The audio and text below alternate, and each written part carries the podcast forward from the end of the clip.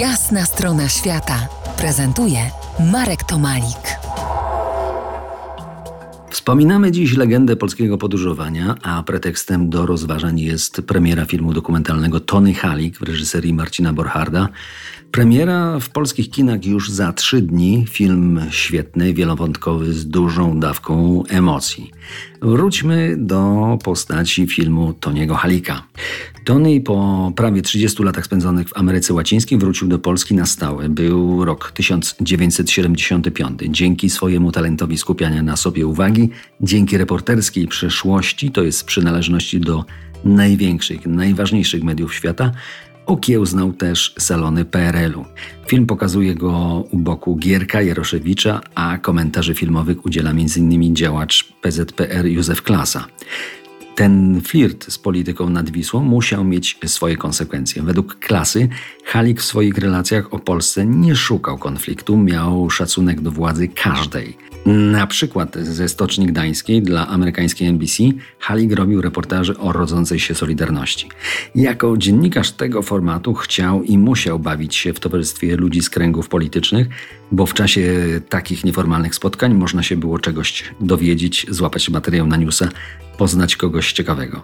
Wreszcie nastał czas pieprzu i wanilii, programu telewizyjnego, który oglądała cała Polska i który w większości odbiorców ukształtował Halika jako gawędziarza w podeszłym wieku, któremu wiernie towarzyszyła Elżbieta Dzikowska.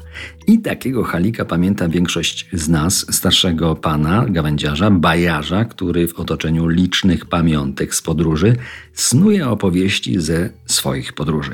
Co niedzielę oglądało go 18 milionów ludzi, w tym ja. Jest to jeden z bardziej zapamiętanych przeze mnie obrazów dzieciństwa z nad szklanego ekranu. Ja jeszcze wtedy o swoich podróżach nie myślałem, ale trochę dzięki Halikowi i Dzikowskiej nimi nasiąkałem.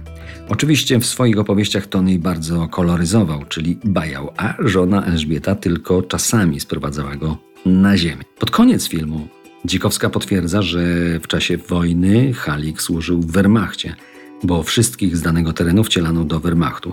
Tony według Elżbiety z Wehrmachtu zdezerterował i przystał do francuskiego ruchu oporu.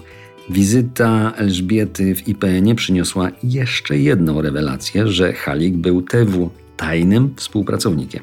I taki ten film jest pełny niespodzianek, pokazuje złożoność duszy człowieka, co miał niby klawę życie. Film zgrabnie podaje fakty Odbrązawia sylwetkę słynnego podróżnika, zostawiając nam pole manewru do własnej oceny. Więcej, do odnalezienia w tej złożonej postaci własnych losów, bo nie każdy żył jak Halik, ale większość z nas ma dziwne, skomplikowane losy, których ocena wymyka się uogólnieniom.